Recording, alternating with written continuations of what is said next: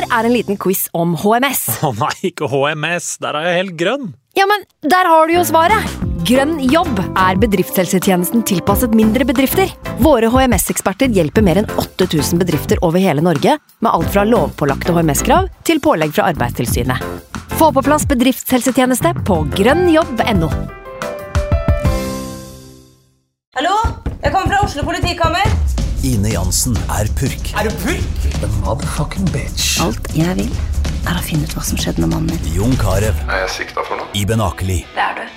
Ole So, Lars Berrum og Big Daddy Karsten. Hvem sin side er du på, egentlig? Anette Hoff, Tone Danielsen, Kommer du fra Afrika? Jørnis Josef, Nesten. Kløfta. Trond Espen Seim, Det er synd å si det, men det var feil mann som døde. Purk. Premiere tirsdag på TV2 Play. I can't believe it. Football, bloody hell.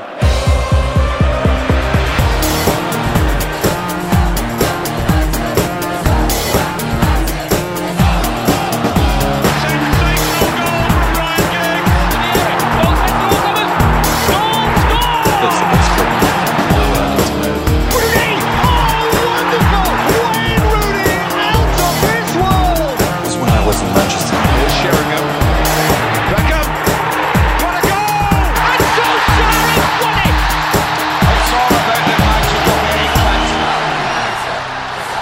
Nytt år, samme gamle driten. Velkommen skal du være til United We Podcast, eh, også kjent som podkasten om eh, fotballklubben som eh, kunne vært en pandemi. Det er et stort mysterium. Det varer og varer og varer. Det er noen framskritt, men det går stort sett bakover. Så sånn er det med dette laget. Vi har med oss Anders Serener, journalist. Velkommen skal du være. Takk skal du ha. Sportsdirektør i NTG, Øyvind Eide, også med oss. Hallo, Øyvind. Takk skal du ha. Godt nyttår. Ja, godt nyttår, folkens! Godt nyttår, det. Det er jo eh, greit å bli kvitt 2021 også, så får vi se hva dette, hva dette bringer, da. Ikke noe positivt så langt. ikke så veldig mye bra ennå.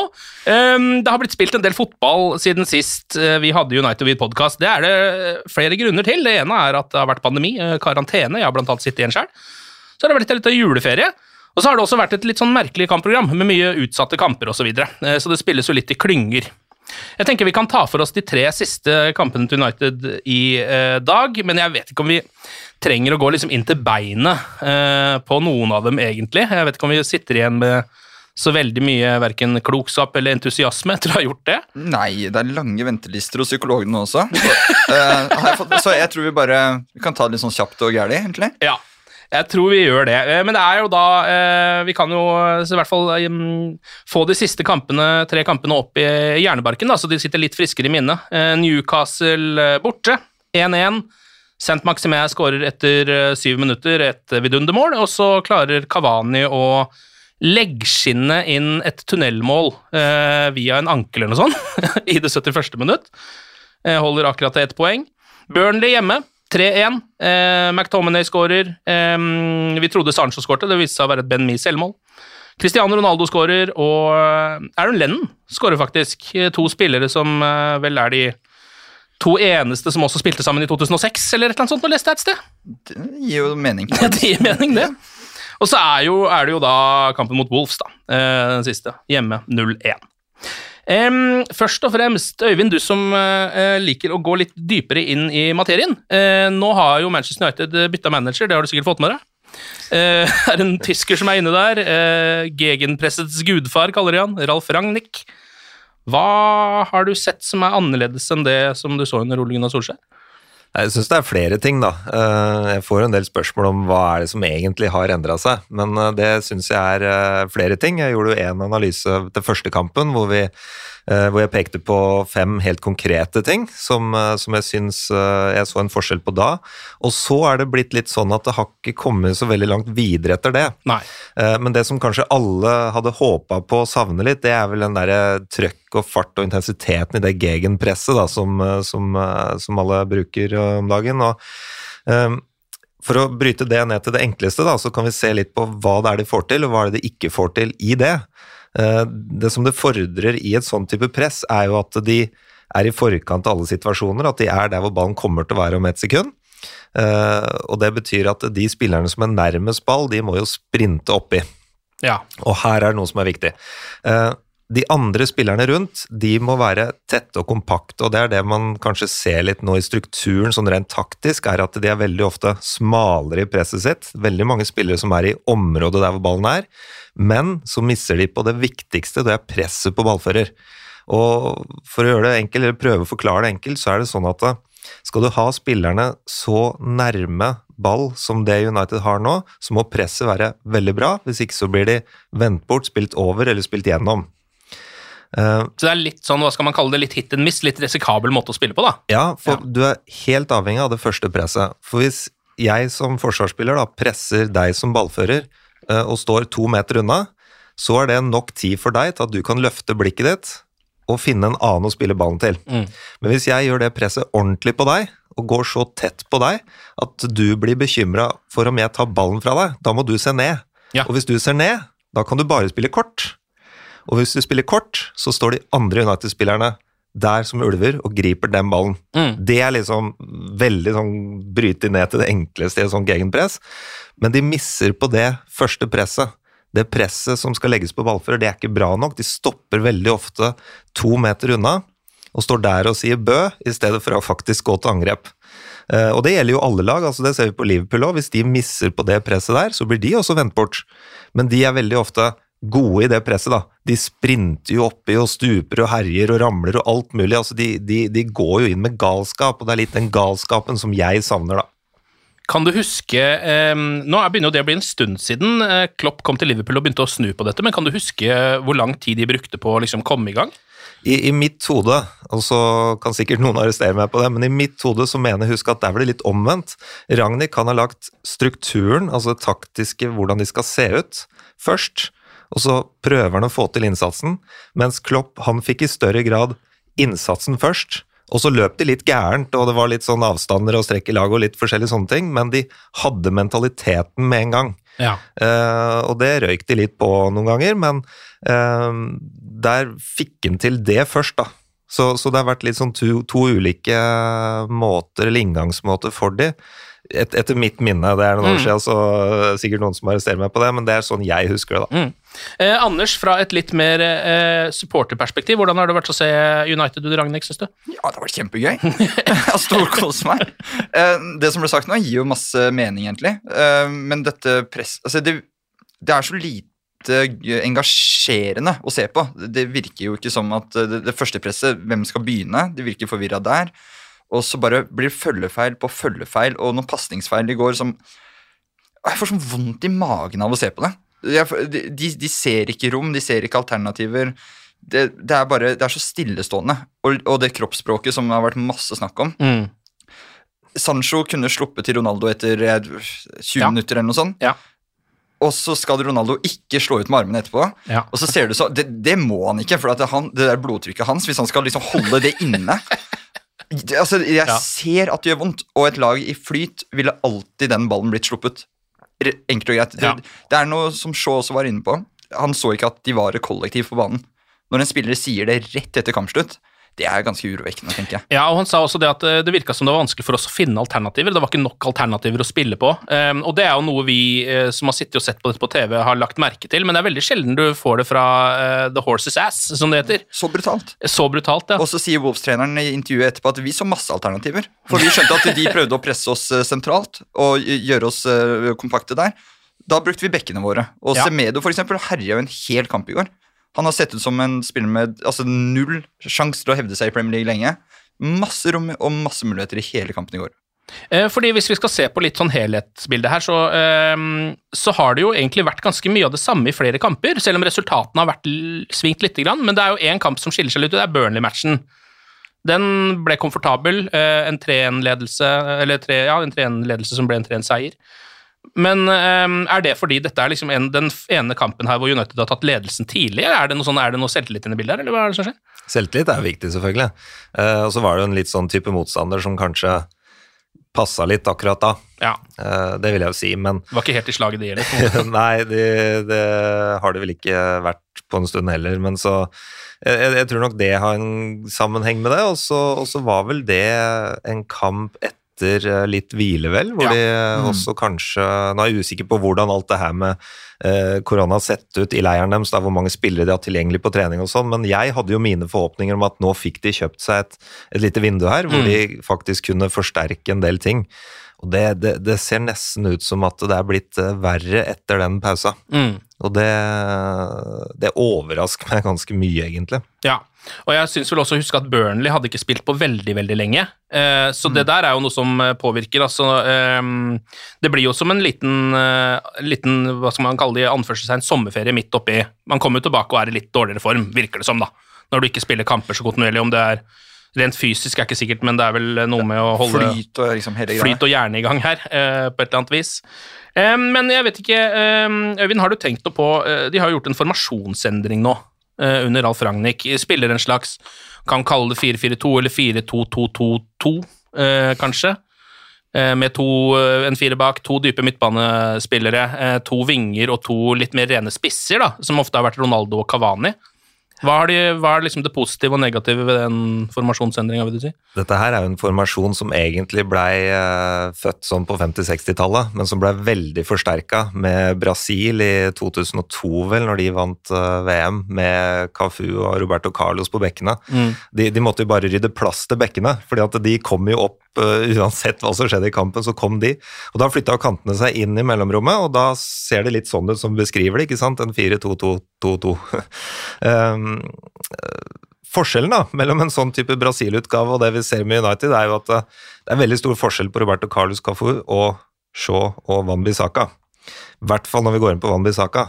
Skal du spille på den måten, så er du nødt til å ha backer eh, som, som greier å by på noe i det offensive spillet. Og når vi ser da f.eks. til sammenligning Cancello i City, Chilwell og Reece James i Chelsea, og du har selvfølgelig Trent Arnold og, og, og Robertson i Liverpool, så det er et helt annet nivå, et helt annet ferdighetsregister enn det vi ser spesielt på høyrebekken til, til United. Og det lammer spillet altså så fullstendig. Og vi så det mye under Solskjær, at de spilte mellom 40 og 50% av kampen på venstre side, og det fortsetter de å gjøre. Jeg tror hva var det forrige kamp, da, hvor de spilte 51% av kampen på venstre side. Det blir jo altfor forutsigbart. Mm. Men det er jo rett og slett fordi at de har ikke noe by på på høyre side. Så, så der står det fortsatt for meg veldig stort spørsmålstegn. Hvordan skal de løse den? Og jeg tror ikke vi kommer til å se fryktelig store endringer i angrepsspillet før de får løst høyresida. Og det, det, det må de bare få gjort. De kan gjøre det på andre måter òg, ved å legge f.eks. en kant som ligger breit, f.eks. en Sancho, i stedet for at Van Bissaka skal ha ansvaret for den kanten aleine. Det går an. Var ikke det egentlig noe vi hadde sett for oss, Anders? At uh, Sancho skulle spille på høyre? Og være litt mer sånn i innleggskant, da? Eller sånn assistkant? Jeg tror jeg hadde to streker under det svaret sist jeg var her. Ja. Altså, ja, Det var jo sånn det var i Dortmund også. Det var litt det vi så for oss. Og Elanga ble vel satt inn i går, sent i kampen, Mm. på en, i en slags back-variant. Og mener at han kom til sånn to halvveis offensive posisjoner med en gang. Mm. Altså det, Den der back-situasjonen her løses jo ikke med mindre United henter inn en ny høyreback. Nei. Rett og slett, sånn jeg ser det, i hvert fall. Van Bissaka tror jeg har nådd toppnivå for lengst. Og så har du Diogo Dalot, som uh, er ut og inn. Ser ikke ut til å sementere en plass, han heller. Nei, nå var du tilbake til de mer tradisjonelle bekkene igjen uh, i de par siste matchene, etter at han har kjørt en del uh, Dalot eh, og uh, Telles. Ja. Som også har sett friskere ut. ja. Vel å merke. Det har i hvert fall vært noe offensive bidrag. og Telles har dødballer og de tingene der. Så Ja. hadde for så vidt noen offensive bidrag i går, men vi har én side, da. Mm. Og mange andre lag har to. Det blir jo spesielt skummelt eh, når som Wolves eh, det faktisk er bare på høyresida det skapes noe, selv om den bare brukes da i kanskje 10 av alle, i, eh, alle tilfellene, så er det jo de få gangene de får til noe, så er det jo faktisk Van Bissaka som kommer til to innlegg. Det er vel nesten det de skaper, altså sånn, bortsett fra et frispark fra Bruno og, noe, og et tverrliggerskudd fra Bruno, selvfølgelig. Så er det jo det liksom, de får til i første omgang. Det er to innlegg som går rett over luggen på Cristiano Ronaldo. Men det, men det blir jo litt sånn hvis du setter deg i Wolves sine, uh, sine sko også, så, så ville jo vi helt klart ha leda spillet mot Van Bissaka. Vi ville ha satt mange spillere på Uniteds venstre side, gjort det trangt, Mm. leda spillet mot høyre og latt Van Bissaka ha ballen. For det, det blir, altså, I verste fall så kan hende han treffer på, på et bra innlegg, eh, men da gjør han ikke det før neste kamp igjen. Omtrent. Så, så det er liksom Den risikoen, den, er, den, den tror jeg veldig mange lag aksepterer, da, rett og slett. At de forsvarer seg veldig bra på én side, og så velger de å la det være litt rom på motsatt side. og Det ser vi litt på Wolves og Derfor så blir det også litt som du sier, at det, det er jo høyre sida de av og til får vendt spillet til, men herregud, hvor mange dårlige avleveringer òg. Nå var Mason Greenwood òg veldig involvert i det. da Han spilte jo opp, eller han spilte jo ikke opp Van Bissaka eh, i gode posisjoner. Eh, hadde de gjort det, så det, det er jo sånn at det mangler en nest siste pasning her òg. Det er Ja. ikke bare Van Bissaka, det var mange ting som var eh, dårlig med rytmen der. Men det er noe av grunnen til at det blir som du sier, er utgangspunktet til Wolves. Jeg kan ikke huske å ha sett liksom et United-lag som i så mange kamper på, på så kort periode da, gjør så mye feil som det de gjør nå.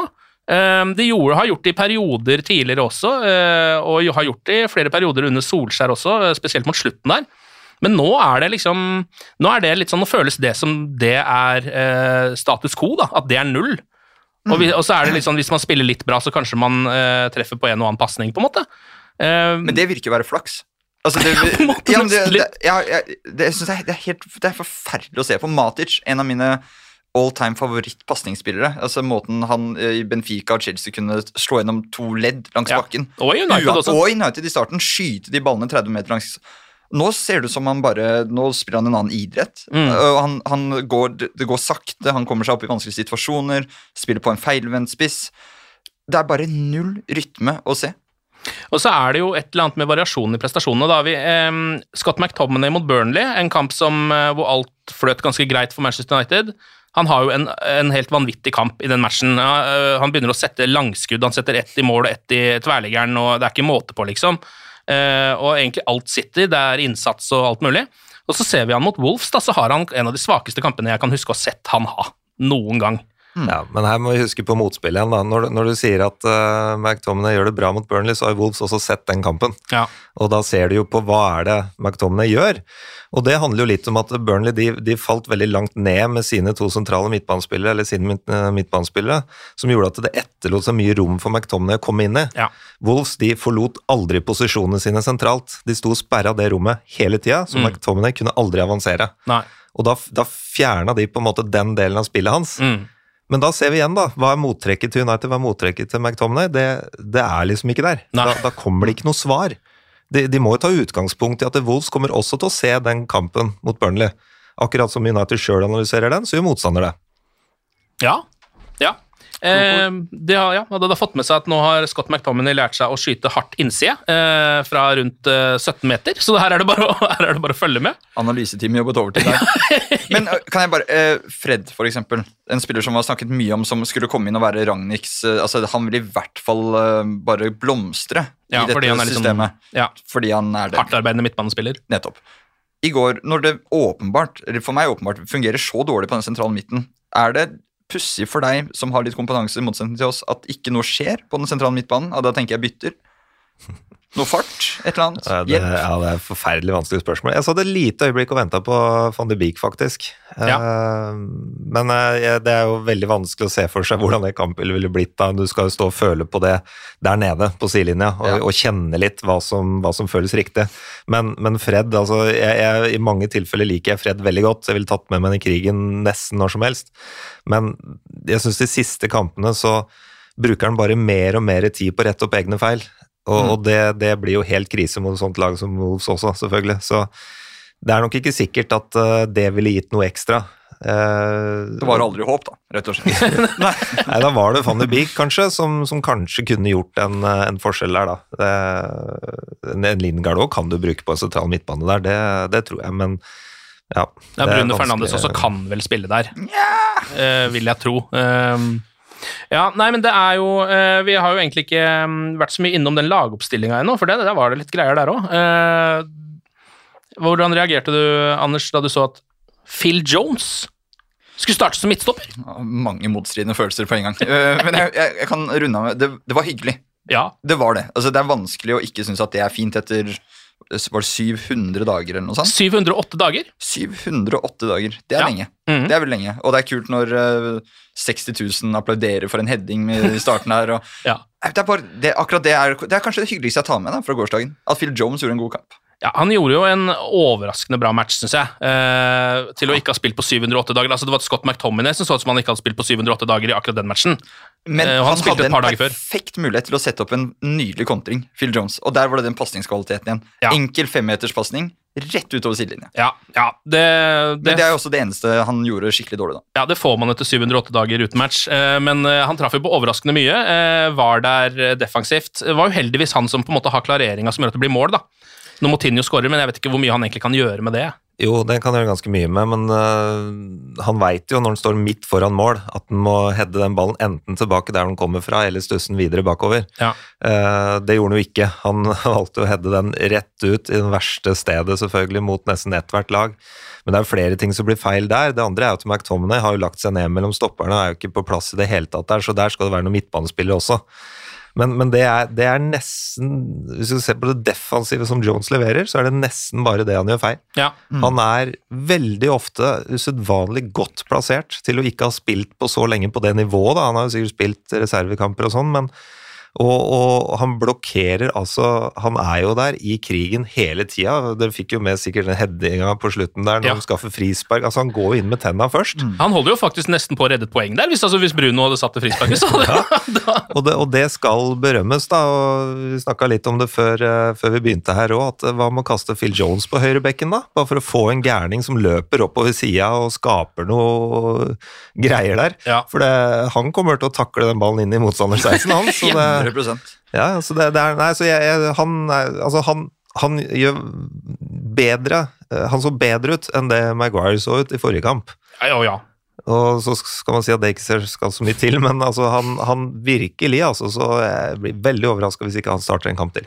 Ja, jeg er enig. Eh, og så kan man jo se på det her på veldig mange forskjellige måter. Det er jo, eh, Den ene tingen er at det bare er helt 100% gledelig at Phil Jones kan komme tilbake og spille en så bra match.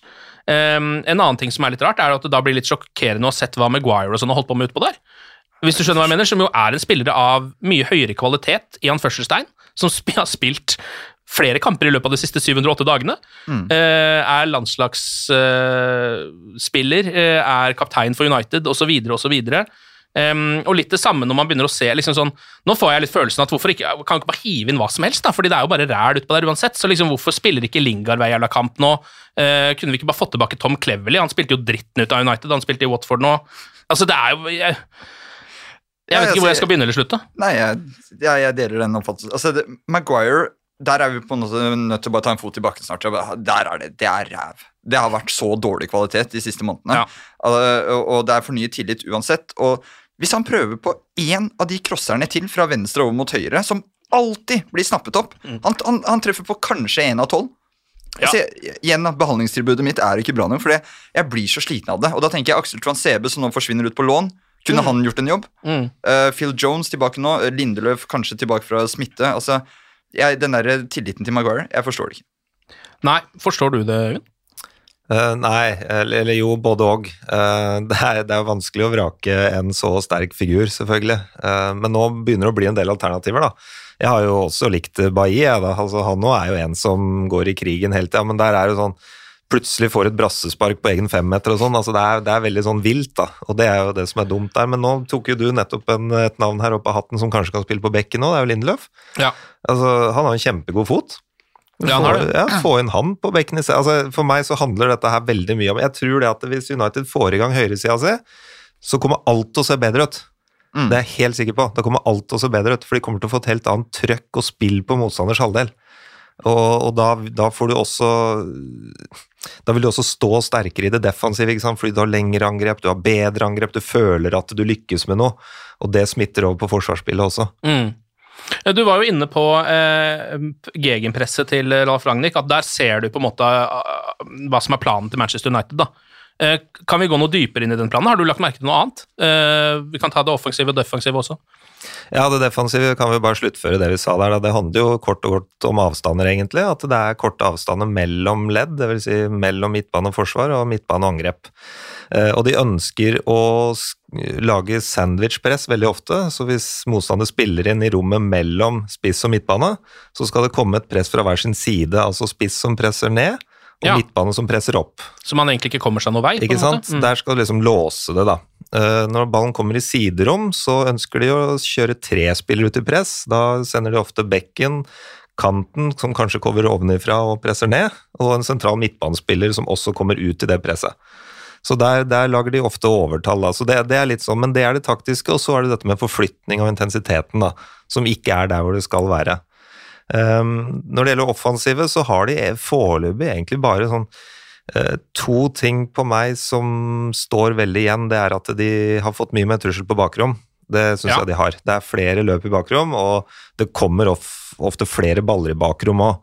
Og så så vi dessverre nå mot uh, siste kampen mot Wolverhampton nå, at det, kvaliteten var for dårlig. Det var jo mange situasjoner rundt og i 16 som kunne blitt til noe, men den treffer jo ikke en rød pannelugg. Um, så det, det er det ene. Og det andre er jo det her med som vi sa i sted, med formasjonen med kantene som kommer inn i mellomrommet. De er veldig bevisst på hvordan de legger de kantspillerne som da kommer inn, at de skal linke opp med, mot spissene. Så der danner de en sånn firerterning, håper jeg, å si, med sånn øyne på en, mm. på en eh, terning. Så ligger de som en veldig sånn klar firer inne. Eh, og det handler litt om at eh, de ønsker å lokke opp de sentrale midtbanespillerne til motstander, sånn at de kan tre gjennom da til de kantene der. Eller at det slås opp mot spissene, og hvis spissene taper den, så må ofte forsvarerne de må ofte heade ballen litt tilbake, og da ligger det da to kantspillere og kan plukke opp den i mellomrommet. Ja. Eh, Så den linken mellom spissene og kantene i det mellomrommet der, det er et viktig prinsipp, men de har ikke helt fått det til ennå, da. Nei. Eh, og så var du jo inne på at eh, den formasjonen som Ragnhild nå spiller, det er en litt sånn en formasjon som egentlig starta fordi man hadde verdens to beste backer. Um, og det er jo, det har vi jo merka litt når vi ser United, at ballen havner jo ofte ut på bekk. fordi vingen går inn, da blir det plass ut på uh, sida. Eh, er det litt merkelig å legge om til en sånn formasjon når man vet at man har akkurat de bekkene som Manchester United har? Ja, det, det syns jeg faktisk. Fordi at uh, Luke Shaw han kan jo levere Ja, på ja selvfølgelig det høyeste nivå, så det, det er liksom greit. Men, men, men det å spille uten høyreside i en sånn formasjon, det er litt vrient. Så, så ja, det overrasker meg litt. Uh, og det kan hende det kunne vært mer tjent med å spille 4-3-3, f.eks. Mm. Hatt to ordentlige vinger som kunne være der og utfordre, og det, det kan du med Sancho, f.eks. Mm. Så kan du spille litt skeivt, altså ha en Cavani på andre kanten som kanskje glir litt inn og åpner rom for, for Shaw på venstre. Og så har du Sancho som ligger helt breit på høyre. Da har, du, da har du to ulike måter å spille på også. Så jeg tenker at her er det mange muligheter de kan velge, og så har de landa på noe som åpenbart ikke fungerer. Ja. Eh, og for meg så handler det om hva som skjer på, på høyre side. Mm. Eh, Jeg vet ikke om det er så mye mer å si om uh, den kampen mot Wolfs. Ja, den ender jo da 1-0 uh, etter Motinho sitt uh, mål um, i det ja, Når var det igjen? i 70. minutt eller noe sånt nå? Um, ja, mista notatene her. Ja, 82 var det. Eh, United prøver liksom å få i gang et lite press etter det, eh, men de får rett og slett ikke tak i ballen. Eh, Ballen spilles ute ved corner, og United er da ikke engang på en måte i den situasjonen der gode nok til å presse og få tak i ballen fra to Wolverhampton-spillere i løpet av en timinuttersperiode. Eh, det er ikke et veldig godt utgangspunkt for et lag som spiller gegenpress, men vi får se hvordan dette her, hvordan dette her går. Det er ikke noe, altså, ehm, det er jo ikke noe vits å gi opp nå, fordi da må vi jo bare få en ny manager inn, og hva hjelper det, liksom? Det Jeg sitter bare og tenker mer på Solskjær som satt og gråt jeg, i det der intervjuet. Ja. Det siste intervjuet. Vi har en gjeng med spillere som fikk Solskjær til å sitte og grine. Eh, jeg gråt nesten litt, og, og, så, og så er det dette vi får nå etterpå, liksom. ja.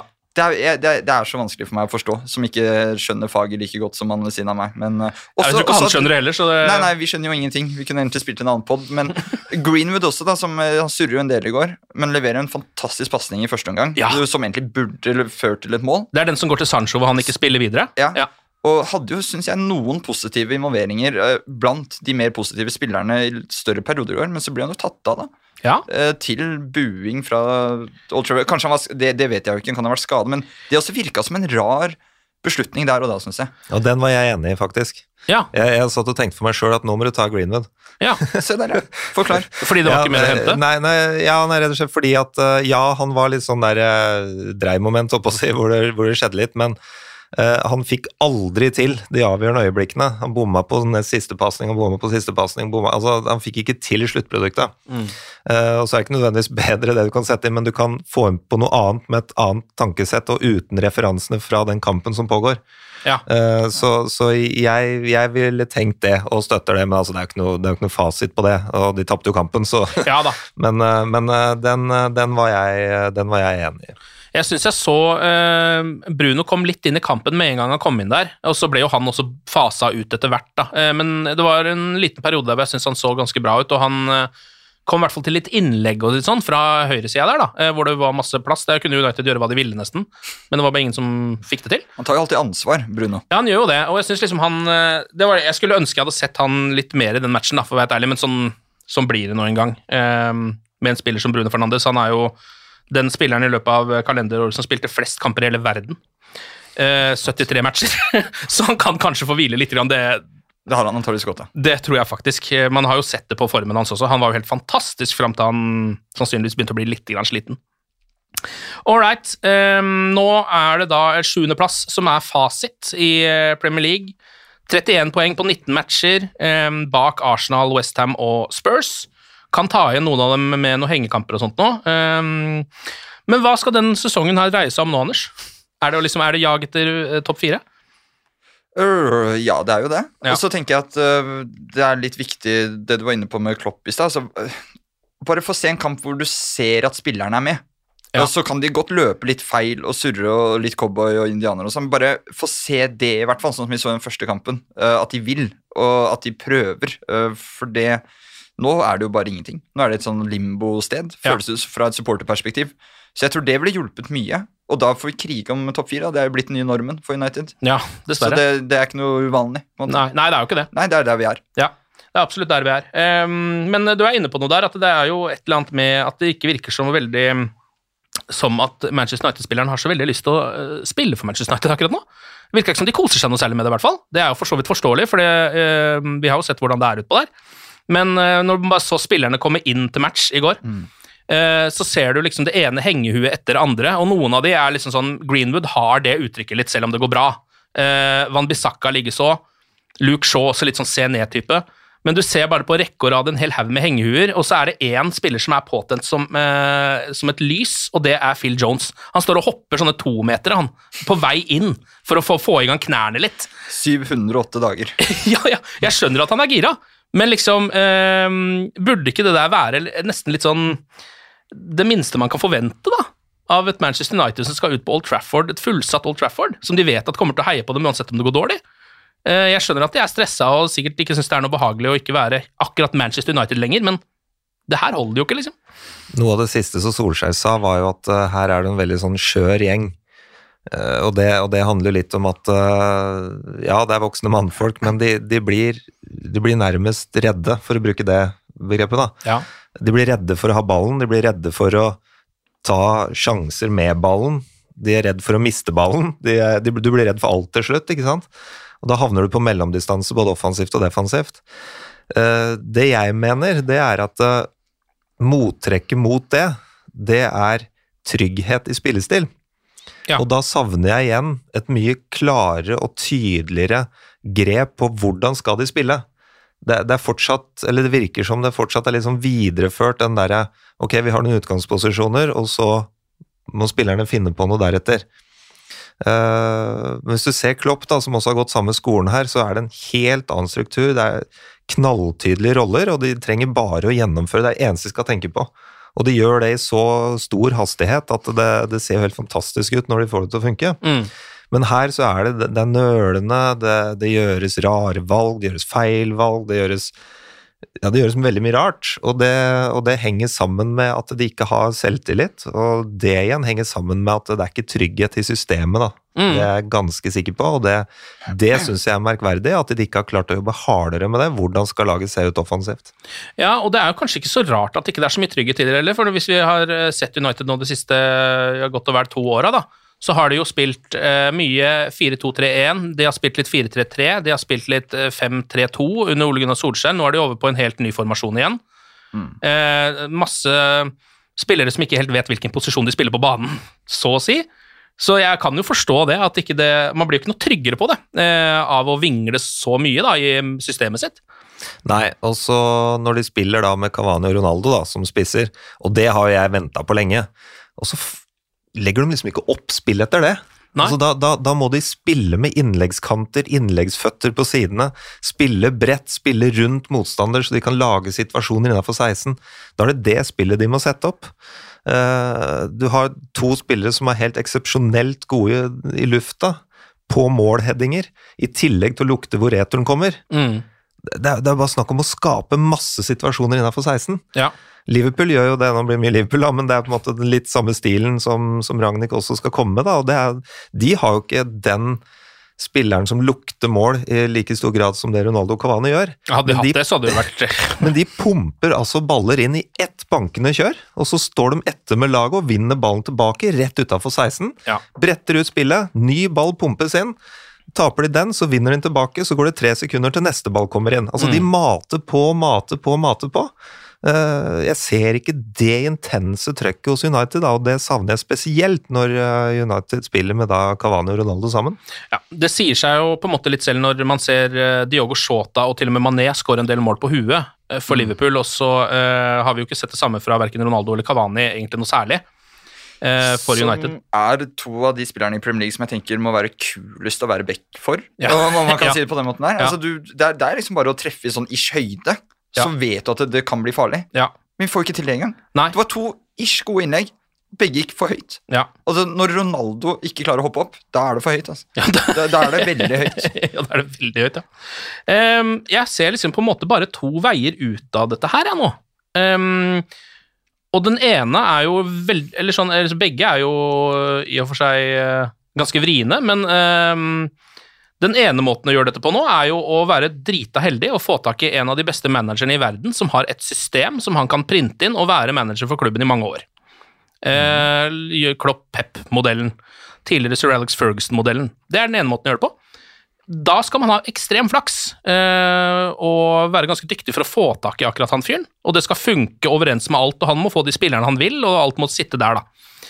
Eller så har du den andre litt mer eh, Hva skal man kalle det? Litt mer sånn ja, vi får ta det som det kommer-metoden, som er litt mer sånn Chelsea gjør. At man må kanskje bare få inn det beste her og nå, og glemme egentlig alt som er av tradisjoner og historie og DNA, og ikke bruke de ordene noe særlig lenger. Og få liksom inn en sånn noen kontefolk som kan vare i noen år, og så bytter man bare på å kjøre på helt til, det, helt til man tar seg noen ligagull og et eller annet Champions League, og så er man fornøyd med det. Er du enig, eller? Ja, det, men det burde jo vært uh, Conté, mener jeg, da, som ja. burde vært ansatt her. Uh, og det er ikke noen forkleinelse for Ragnhild, men, uh, men han, det, er vel en stund siden han også har vært og coacha et lag ordentlig, vel, over Ja tid, og det. liksom stått på feltet og kjent på det. og eh, så jeg vet, jeg vet jo ikke hvor, hvor russen han er i gamet. Eh, det er jo det ene. Det andre er at eh, av de modellene du nevner der, så funker jo begge. Ja da, ja det gjør det. Det ene er kanskje litt mer kortsiktig enn det andre, men begge funker.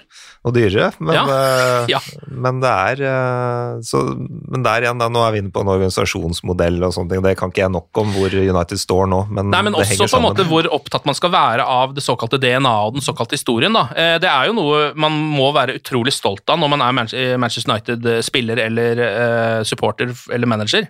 Men samtidig så har man jo merka nå at um, det er jo vanskeligere å ta avgjørelser når man har det DNA hengende over seg også, føler jeg da. Da blir det Man presses inn på én vei, og hvis ikke den går For det er den vanskeligste veien, er den United å ta, prøver å ta nå. For det er jo liksom, De skal jo skape en ny Ferguson. Det på en måte er vel det de har som en slags sånn uh, utopi, da. Og det er en utopi. Det kommer aldri til å gå, det. Så du, du, kanskje du kan finne noe som er i nærheten, men uh, jeg vet ikke, på et eller annet tidspunkt så må man ha en reality check her. Det er så mye snakk om den der identiteten og DNA og cultural reboot. Og Ja. Det må da kunne gå an å bare holde fast på noen av prinsippene uten å, uh, at alt skal handle om det. Altså Ja. Få opp spillere fra akademiet så klart, og homegrow, de, der, de fine tingene. Ja. Men så må vi tenke litt profesjonelt. her. Se på Chelsea, de sparka Lampard uten å nøle engang. Mm. Ikke sant? De skjønte, Dette funker ikke, gjør noe nytt. Det funker jo kjempebra nå. Ja. For de skjønte at her har vi en ledig. Tussel er ledig. Ja. Inn, inn med seg, liksom. Og da var det litt mer sånn, det var ikke sånn, men passer han inn i det og det og det? Det var bare sånn, nei, han er bra. Vi han, kjører inn. han er klasse, Ja. og det tror jeg Ragnhild også er. Men han, var vel, han har vel vært sportsdirektør for Lokomotiv Moskva sist. Ja. Og det er lenge siden han har trent på sidelinja, som sier. Jeg vet ikke om Er det noe med pondusen eller autoriteten med Et eller annet der. Jeg, litt vanskelig å si. Er det noe som tilsier at uh, Pochettino kommer inn og bare Skal han Kommer han til å få spillerne til å løpe etter fire uker? Ja, altså, det er ikke noe som er en garanti i det heller. Nei. Men går det ikke litt mot slutten for Diego Simone i uh, Atletico Madrid nå? Jo, Det kunne vært interessant. det eh, kan de jo gjøre. Da er vi jo det er, litt så, det er litt interessant, for det er egentlig begge de to stiene vi nå tegna opp, bare på en måte litt motstridende. For det er ikke noe Det er, det er mot DNA til United, men det er en langtidsmanager som bygger prosjekter. Eh, så ja, hvis man da er villig til å ta den eh, til å ta eh, den straffen, da, at kanskje ikke alle kampene er like attraktive å se på, men du vinner dem, så går man for det. Spørs om den kommersielle avdelingen i United liker tanken på sex eh, i, i forsvar og, og Ja. sinte supportere, men eh, jeg tror det hadde vært lurt, det. Altså, hvis Vi kan i hvert fall ikke følge de kommersielle kreftene lenger, for det har fått oss hit, eh, og vi ser jo hvordan det har gått. på en Vi er, vi er jo på et mørkt sted. Jeg fikk masse bra merch eh, til jul. masse bra United-merch! Der er de gode! Der er de gode. Der er det ikke noe kødd. Fikk en kopp jeg, ja, hvor du heller oppi kaffen, eh, og sakte, men sikkert så ser du publikum på Old Trafford lyse ut av koppen. Nei. Altså, Det er det råeste jeg har sett. Alle må få seg en sånn. Jeg fikk det samme, men det er Michael Scott fra The Office som, som smiler til meg. Så jeg vil si oh, ja. at jeg kan vinne ut, faktisk. De har det i The Office-versjonen også. Ja. Eh, Men la meg også skyte inn Av alt som er negativt her, så vil jeg si at noe av det eh, som er minst like alvorlig som alt annet, er alle disse lekkasjene som nå kommer ut fra troppen. Eh, det er eh, Lagoppstillingene kommer lenger før, det er murring, det skal være klikker i garderoben, alt det der greiene der. Ja. Det er, eh, det er ikke bra. At det kommer eh, to uker etter at Ragnhild kommer inn. Nei. Det er min, eh, min tanke fra journalistperspektiv. Ja, den ser jeg, for det er vel ofte sånne ting som pleier å være tegnet på at nå må man gjøre en endring. Det var vel de tingene som begynte å skje litt da Solskjær også til slutt måtte gi seg. Det sier noe om at det er en litt drit gjeng med spillere også, tror jeg. Ja, men altså, ja. At det er noe ugress der, Ja, ja. og at det er en grunn til at ikke de nødvendigvis har så lyst til å løpe masse. Tenker jeg. Kanskje. Kanskje du har rett. Eh, vi må gratulere sir Alex Ferguson. Han fylte 80 på nyttårsaften, eh, og det virker som han endelig har kommet dit i livet at han kan sitte og glise litt på Old Trafford selv om laget ser ut som et rent helvete. Eh, og det unner jeg han litt, for hvis ikke så kunne han nesten aldri dratt dit igjen. Dessverre, hvis, han, hvis det måtte gått veldig bra hver eneste gang. Nå er det to kamper mot Aston Villa. Eh, det er ikke mindre sexy enn det. Eh, på mandag FA Cup mot Villa hjemme, på lørdag Premier League mot Villa borte. Ehm, er det noen vits å spå noe her? Jeg har ikke truffet én gang jeg har vært på besøk her, eh, så jeg vet ikke hvor mye vits det er. Jeg aner jo ikke hva vi får servert heller. Nei. Helt umulig å si. Jeg tror ikke det blir sånn enorme utskiftninger i FA-cupen. Han må jo drille inn et lag på et eller annet tidspunkt. Ja, Pluss at nå begynner det jo etter hvert å bli, selv om vi jo på en måte bare er halvveis i sesongen, da, så begynner det å bli såpass desperat at nå må man ta vare på cupene. Må man ikke da? Er du ikke enig, Øyvind? Det er ikke så mye å spille for, eller sånn Topp fire er fint, det, men det er ikke noen pokaler å hente der. Nei, men det er Champions League, og det kommer til å være livsviktig. Ja. Uh, men jeg, jeg satt litt med følelsen i går, når uh, Moutinho scora, at uh, der røyk fjerdeplassen nå. Ja, Jeg er litt usikker, altså. De, de, skal, de skal få i gang en medgangsbølge ganske fort for å kunne ta igjen den fjerdeplassen. Ja. Det ser jeg foreløpig ikke noe tegn til. Nå virker det som at de graver seg lenger og lenger ned. Ja. Eh, nå skulle jo han til den kampen her ha litt fokus på dette med kroppsspråk og liksom skape litt mer sånn han sa det var for dårlig til forrige kamp òg. Og, det og det er for dårlig, og det er for dårlig, og det er for dårlig. Det er liksom det begrepene som går igjen, men han får ikke endra det som er for dårlig. Og det Nei. er ganske farlig. Det var vel derfor han sikkert ga Ronaldo det kapteinspinnet, kanskje. Eh, I tillegg til at han var jo en åpenbar kandidat også. Eh, men fordi da, ja, da, da er, det legger litt ekstra press på at du ikke kan ha det kroppsspråket når du går med det kapteinspinnet, og det så man jo på Cristiano Ronaldo, men du vinner jo ikke kamper selv om han ikke slår ut med armene. På ingen måte. Han står jo bare og rister. Så bare pop the vein, ja. eller et eller annet sånt. Ok, um, da tror jeg vi bare skal uh, takke for praten, Øyvind og Anders. Uh, satse på avansement i FA-cupen uh, og tre poeng mot Villa. Se om vi kan klare å få dette på et eller annet slags kjøl igjen. Og glory, glory.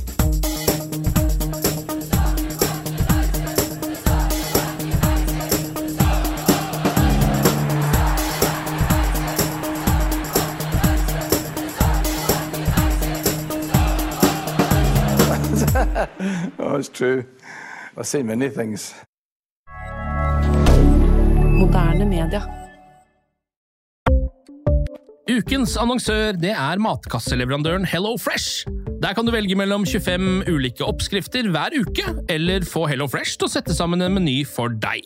Jeg sparer tid på å handle, oppskriften er veldig enkle å lage, og så får jeg akkurat det jeg trenger da, til hver eneste rett, så jeg slipper å kaste så mye mat som jeg vanligvis gjør. Det er også litt deilig å faktisk slippe å gå på butikken, ikke bare fordi det er tidkrevende og sånn, men fordi man ender opp med å kjøpe så mye greier som man egentlig ikke trenger, sånn som fire poser eh, Smash og en kick med havsalt, f.eks. Det er ikke det du egentlig er der for, du er der for å kjøpe, kjøpe middag.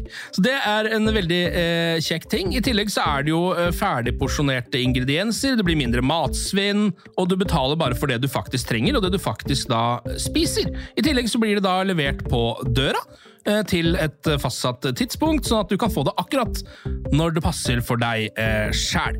Hvis HelloFresh høres ut som noe for deg, så har jeg en rabattkode du kan bruke også. Gå inn på hellofresh.no og bruk koden HelloUnited24. HelloUnited i ett ord, også 24, og få opptil 1779 kroner i rabatt på de fem første matkassene dine hvis du ikke har prøvd HelloFresh ennå. Du kan også bruke koden hvis du tidligere har vært kunde, men har stoppa abonnementet ditt for tolv måneder siden eller mer. Det er ingen bindingstid, og du kan pause eller avslutte abonnementet ditt akkurat når du selv måtte ønske. Husk koden HelloUnited24, og bon appétit! Ukens annonsør er Folio, en smartere banktjeneste for deg som har en egen bedrift eller ønsker å starte for deg selv. Folio er en superenkel nettbank for bedrifter. Som kunde i Folio får du en bedriftskonto med et bedriftskort og app. I denne appen er det smarte løsninger som forenkler regnskapet ditt, uansett om du har en liten bedrift eller et enkeltpersonsforetak. Folio er både intuitivt og brukervennlig, og er laget med et enkelt språk. I tillegg tilbyr de forutsigbare priser og ingen skjulte gebyrer. Skulle du likevel trenge det, så kan du snakke med deres raske og hyggelige kundeservice, og der får du prate med en faktisk person og ikke en chatbot. Folio er med andre ord både enklere og koseligere enn banken. Over 10 000 bedrifter har allerede valgt Folio som sin banktjeneste, så besøk folio.no og se hvordan Folio kan forenkle din hverdag også. Har du et enkeltpersonforetak eller en liten bedrift? Da er du sikkert lei av å høre meg snakke om hvor enkelt det er med kvitteringer og bilag i fiken, så vi gir oss her, vi. Fordi vi liker enkelt. Fiken superenkelt regnskap.